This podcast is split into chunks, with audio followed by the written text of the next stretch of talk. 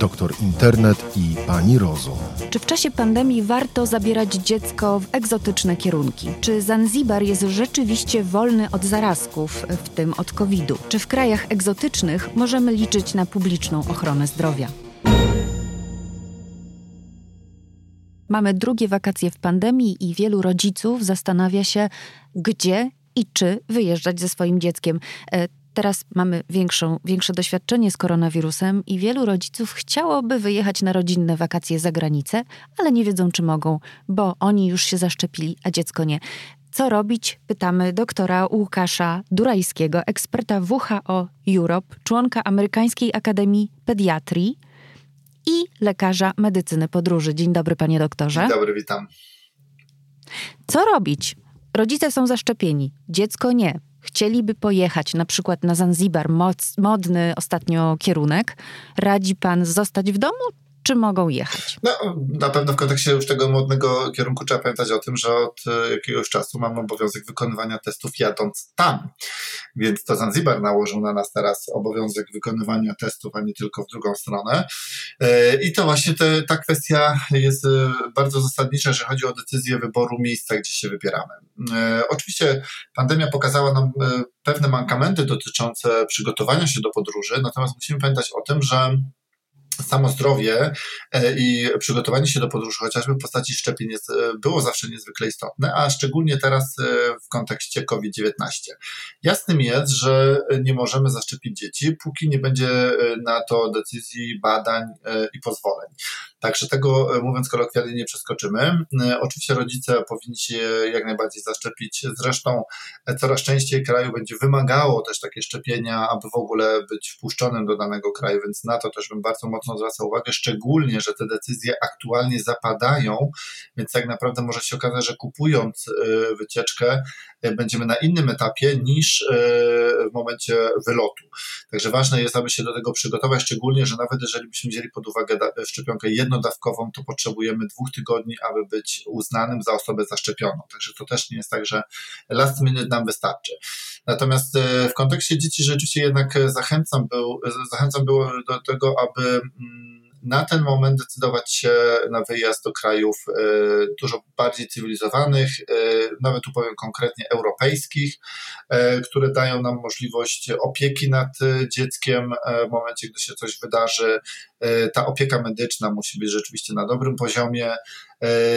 Nie tylko w kontekście oczywiście samego COVID-u, ale ogólnie. Natomiast tu szczególnie w dobie COVID-u warto, abyśmy byli po prostu przygotowani, abyśmy pamiętali, że wyjazd, na który się decydujemy, może się wiąże, wiązać z ryzykiem również dla naszego dziecka.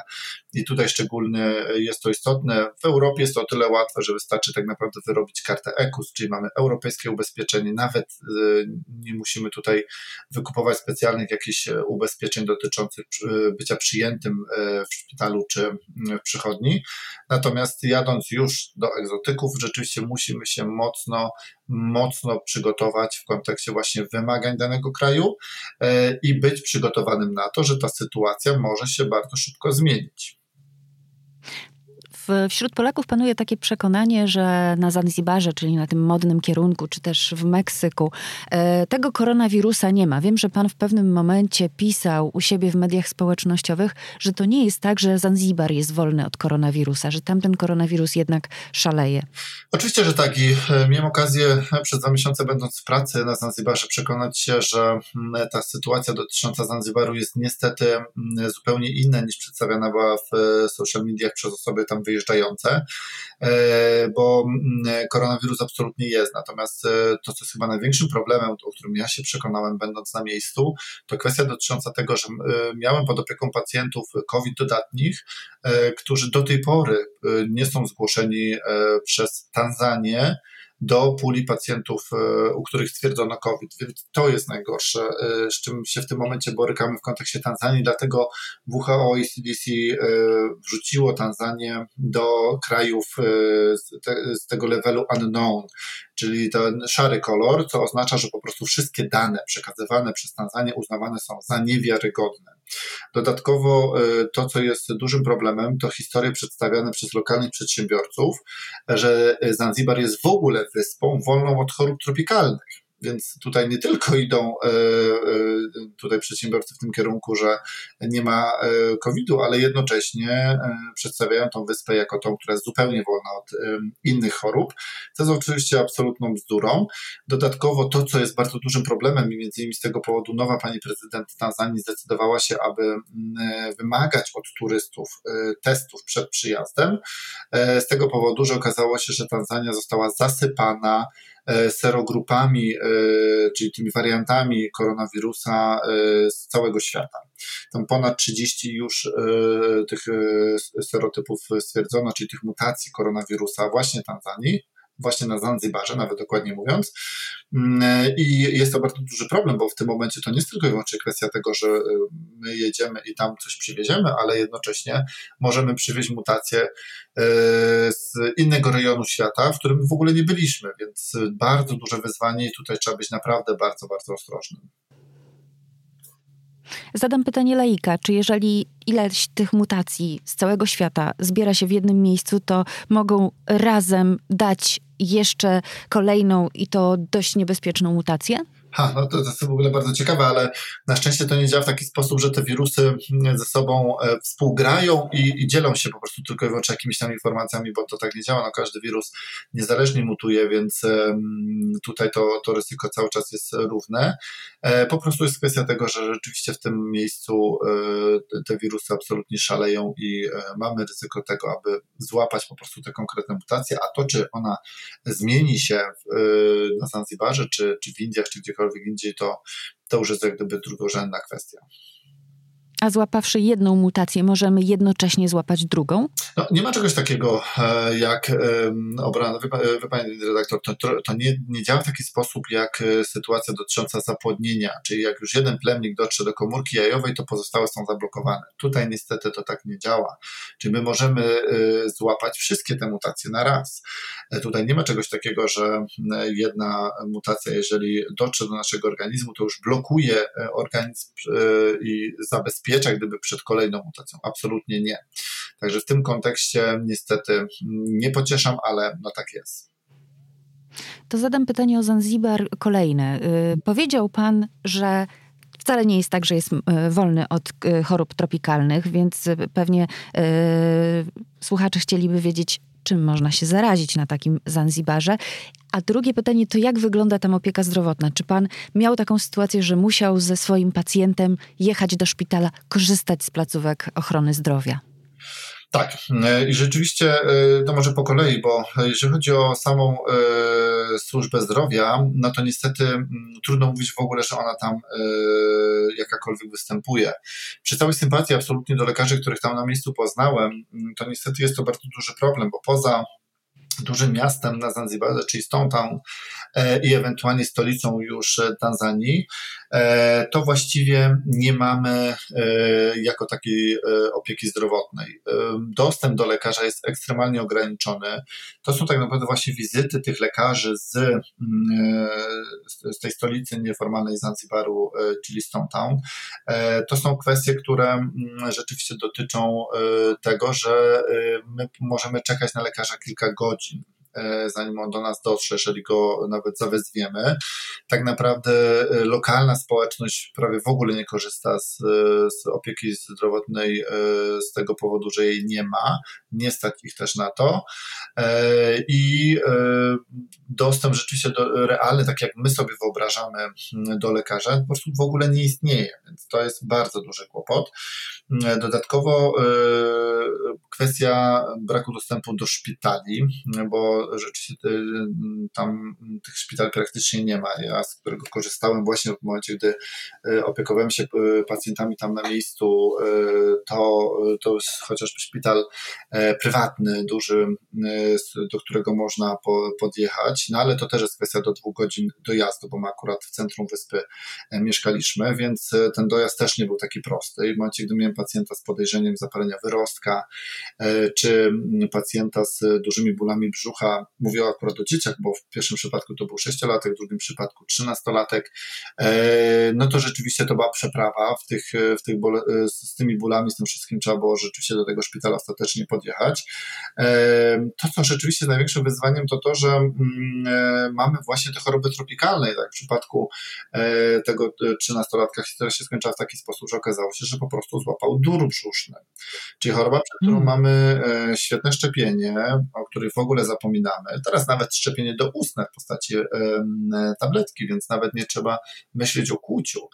E, I rzeczywiście mama mm, tego dziecka powiedziała, że mówi, no wyjeżdżając rzeczywiście nie myślała o tym, no bo przecież tylko na tydzień przyjechali, natomiast okazało się, że woda rzeczywiście była e, brudna, po prostu nieczysta i, e, i rzeczywiście pojawił się ten problem. Więc no, to ryzyko jest, tym bardziej, że zwracam uwagę na to, że rzeczywiście pod tym kątem mamy również problem dotyczący chociażby y, cholery, żółtaczki typu A. To są wszystko pokarmowe choroby zakaźne, które y, no, najczęściej właśnie łapiemy poprzez tą drogę pokarmową, tak? Pokarmową nie tylko w kontekście wypicia wody, no Tutaj wydawałoby się, że ten 13-latek był świadom tego, że nie może pić wody bieżącej, a mimo wszystko złapał. W związku z tym okazuje się, że najprawdopodobniej po prostu zjadł świeżą, super zieloną, y, zdrową y, y, jakąś sałatkę, która była po prostu przygotowana pod wodą bieżącą. Czyli opłukanie tych warzyw odbyło się w sposób właśnie nieprawidłowy. Także rzeczy, o których nie myślimy, o których nie zdajemy sobie sprawy, są bardzo, bardzo trudne. I ten lekarz, który przyjeżdża, bo nawet jeżeli dotrze ostatecznie do nas, no to też jest w pewnym sensie bezsilny, tak? E, to jest to, z czym ja się borykałem na miejscu. E, miałem oczywiście ze sobą duży zapas leków, e, więc troszkę było mi łatwiej, ale mimo wszystko nie ma diagnostyki, tak? I pamiętam mm, rozmowy nawet z, z tymi doktorami, że oni co mogą, co jest najczęstsze, po prostu zabierają ze sobą, czyli tak naprawdę taki lekarz przyjeżdża z plecakiem leków, i w zależności od objawów i tego, co podejrzewa, to ten pacjent dostaje leczenie. W związku z tym ja wiem, że tam w ogóle rutynowo podaje się bardzo silne antybiotyki właśnie z tego powodu, że tam jest dużo pasożytów e, i chociażby te, e, te choroby, o których wspominałem, które mogą rzeczywiście generować bardzo, bardzo duży problem. W związku z tym e, ci pacjenci są z automatu leczeni e, właśnie w taki sposób, e, aby zabezpieczyć e, pacjenta przed jakimś dużym ryzykiem utraty życia. Mm, więc jest to rzeczywiście bardzo duże wyzwanie i niestety musimy pamiętać o tym, że to jest oczywiście mimo, że piękny zakątek świata. Ja w ogóle tego nie neguję, absolutnie. To na ten moment jest to po prostu sytuacja, która wymaga naszej ostrożności i byłbym tutaj bardzo, bardzo ostrożny, jeżeli chodzi o to, aby wyjeżdżać. Zresztą w sumie są kraje, które podjęły decyzję, że zamknęły turystykę e, do, znaczy na Zanzibar, do Tanzanii, e, jak chociażby Rosja, czyli taki jak gdyby główny do, do, do, dostawca e, tych turystów, w sensie ten ruch jest tam największy, największa grupa, jeżeli chodzi o turystów na Zanzibarze, to, to Rosjanie. I od 15 kwietnia rzeczywiście Rosja zamknęła mm, loty. Więc e, te decyzje różnych krajów są podejmowane właśnie ze względu na bezpieczeństwo e, społeczności, z której wywodzą się turyści. Tak, mamy przecież przypadki dodatnich covidów u e, Duńczyków. Zresztą to w ogóle były pierwsze doniesienia o tym, że na Zanzibarze jest mm, COVID, bo po prostu diagnozowano tych pacjentów po powrocie. Okazało się, że są COVID dodatni, mimo że przed wylotem mieli ten fałszywy zresztą wynik testu PCR z Zanzibaru. Więc jest to rzeczywiście bardzo, bardzo duży problem. Mówimy o Zanzibarze, bo to jest e, chyba taki najmodniejszy dzisiaj kierunek wyjazdów i w miarę jeszcze dostępny dla kieszeni przeciętnego Polaka, mhm. który sobie powiedzmy zaoszczędzi. Natomiast e, pewnie w podobnej sytuacji podobnie będziemy patrzeć na inne kierunki, takie jak te kierunki azjatyckie, prawda? Oczywiście. Czy Rozumiem, że to jest ten sam poziom zagrożenia i że nie ma takiego egzotycznego kierunku, który byłby dzisiaj bezpieczny Aha. dla niezaszczepionych dzieci. No nie, nie, zdecydowanie to tak nie działa i e, każda egzotyka, czy to będzie Azja, czy to będzie Afryka, czy Ameryka Południowa bądź Środkowa, no jednak wiąże się z tym, że mm, nadal mamy do czynienia z chorobami tropikalny, tropikalnymi, tak, w różnym zakresie, w różnym natężeniu, w różnych krajach. Natomiast musimy też pamiętać o tym, że to są kraje po prostu rozwijające się, czy kraje biedne. W związku z tym ten dostęp właśnie do, do medycyny jest mocno ograniczony i o ile będziemy e, korzystać z e, służby zdrowia w Meksyku czy, czy innych krajach Ameryki Południowej, no tam nieco łatwiej. Ja zresztą byłem e, również na swoich stażach, chociażby w Peru i miałem okazję się przekonać, jak to wygląda, więc ten dostęp na pewno jest lepszy oczywiście do, do służby zdrowia w Ameryce Południowej niż w Afryce, to w ogóle bezwzględnie. E, natomiast tutaj musimy brać pod uwagę to, że mówimy cały czas jednak o sytuacji pandemicznej, to, że u nas sytuacja się ustabilizowała, to nie oznacza, że tam jest spokój, a w momencie, gdy wylądujemy na, e, znaczy w takim miejscu, to musimy niestety uwzględniać to, że możemy mieć problem dotyczący właśnie pomocy e, w kwestii zachorowania na COVID. Jeżeli by się okazało, że mamy rzeczywiście jakiś ciężki przebieg, a też miałem takich, e, takie przypadki, że dwie osoby musiały być transportowane rzutowcami do e, Kenii, bo tam było najbliższe miejsce, gdzie można było pomóc, realnie pomóc tym pacjentom i ich uratować. No niestety rzeczywiście tej pomocy możemy nie uzyskać, tak? Czyli bez przygotowania, bez zabezpieczenia się nie jesteśmy w stanie, a trudno się zabezpieczyć finansowo na takie wysokie koszty, mm, a tam po prostu rzeczywiście liczą się wówczas e, godziny, jeżeli chodzi o stan zdrowia pacjenta. Także jest to bardzo, bardzo ważne, aby na ten moment naprawdę, jeżeli już w ogóle musimy jechać e, i bardzo chcemy w taki egzotyk, mm, to, e, no to jednak przemyśleć to po prostu. Uważam, że przyjdzie na to czas, korzystajmy z bezpieczniejszych miejsc w Europie, które są naprawdę piękne, E, i będziemy mieli większe poczucie bezpieczeństwa niż tam, bo tam to poczucie bezpieczeństwa jest, ale niestety jest ono po prostu złudne. Kiedy pan napisał w swoich mediach społecznościowych, że obraz, który celebryci przedstawiają tych, tych właśnie egzotycznych kierunków jest troszeczkę um, zamazany, nieadekwatny, nieprawdziwy, to rozumiem, że e, kilku z, kilkoro z nich się oburzyło. No tak, no, panie redaktor, trudno reagować e, na, na oburzenie ze strony mm, osób publicznych w momencie, gdy no, przedstawiam fakty, tak? No tutaj mm, e, różnica właśnie między... Ale zdaje się, że nie, nie, posłuchali pana i nadal wrzucają te, te piękne zdjęcia plaż i szczęścia rodzinnego na takiej piaszczystej plaży. No wie pani, e, egoizm jest jednak cechą e, ludzką i e, brak chęci wzięcia odpowiedzialności za siebie i zdrowie innych, no pokazuje tylko i wyłącznie to, że absolutnie tym osobom nie zależy na bezpieczeństwie i zdrowiu osób, które ich obserwują, które śledzą, które jak gdyby chcą też podążać tymi szlakami, który, którymi podążają ci celebryci e, i trudno, e, trudno mi za to brać odpowiedzialność. No, to jest właśnie niestety brak e, jakiegokolwiek rozsądku przy jednoczesnym założeniu, że ja wiem lepiej, mm, bo, bo to jest cały problem, tak, że ja tam byłam, ja tam byłem i wiem, że nic nie było. Natomiast no to, że e, siedzimy w złotej klatce z pięknym widokiem na basen i e, wodę, nie oznacza, że te osoby, które tam pojadą, jedno, że będą miały pieniądze, aby zapłacić właśnie za ten konkretny, ekstremalnie drogi hotel, e, w którym przebywają te, te, te osoby, bo proszę zwrócić uwagę na to, że mówimy zupełnie o sytuacji takiej, że takie osoby jadą na zasadzie oczywiście współpracy, więc mają możliwość, aby wybrać sobie miejsce i hotel, w którym chciałyby. Z wiadomych względów najczęściej dostają jednak ten najlepszy. Natomiast ten, ten e, przeciętny Polak, który jedzie, nie będzie korzystał z tego hotelu, e, który kosztuje kilkaset e, albo w tysiącach nawet dolarów licząc za dobę, e, tylko, tylko wybierze po prostu zdecydowanie e, niż, niżej budżetowy hotel, który nie zapewnia już też tych warunków takich, jakbyśmy chcieli. No i cały czas trzeba brać pod uwagę to, że jadąc na taki wyjazd, no my musimy się liczyć wtedy z tym, że musimy dbać o to, aby korzystać z wody tylko i wyłącznie butelkowanej, co jest taką rzeczą, rzeczą prozaiczną, ale z drugiej strony istotną. Jeżeli mielibyśmy w ogóle z dziećmi jechać na taki wyjazd, musimy uwzględnić dietę dziecka, e, czyli przygotowanie posiłków, bądź e, w momencie, gdy dziecko już jest kilkuletnie, zjadanie właśnie tego, na co dziecko w tym momencie ma ochotę, co niekoniecznie jest zdrowe i bezpieczne.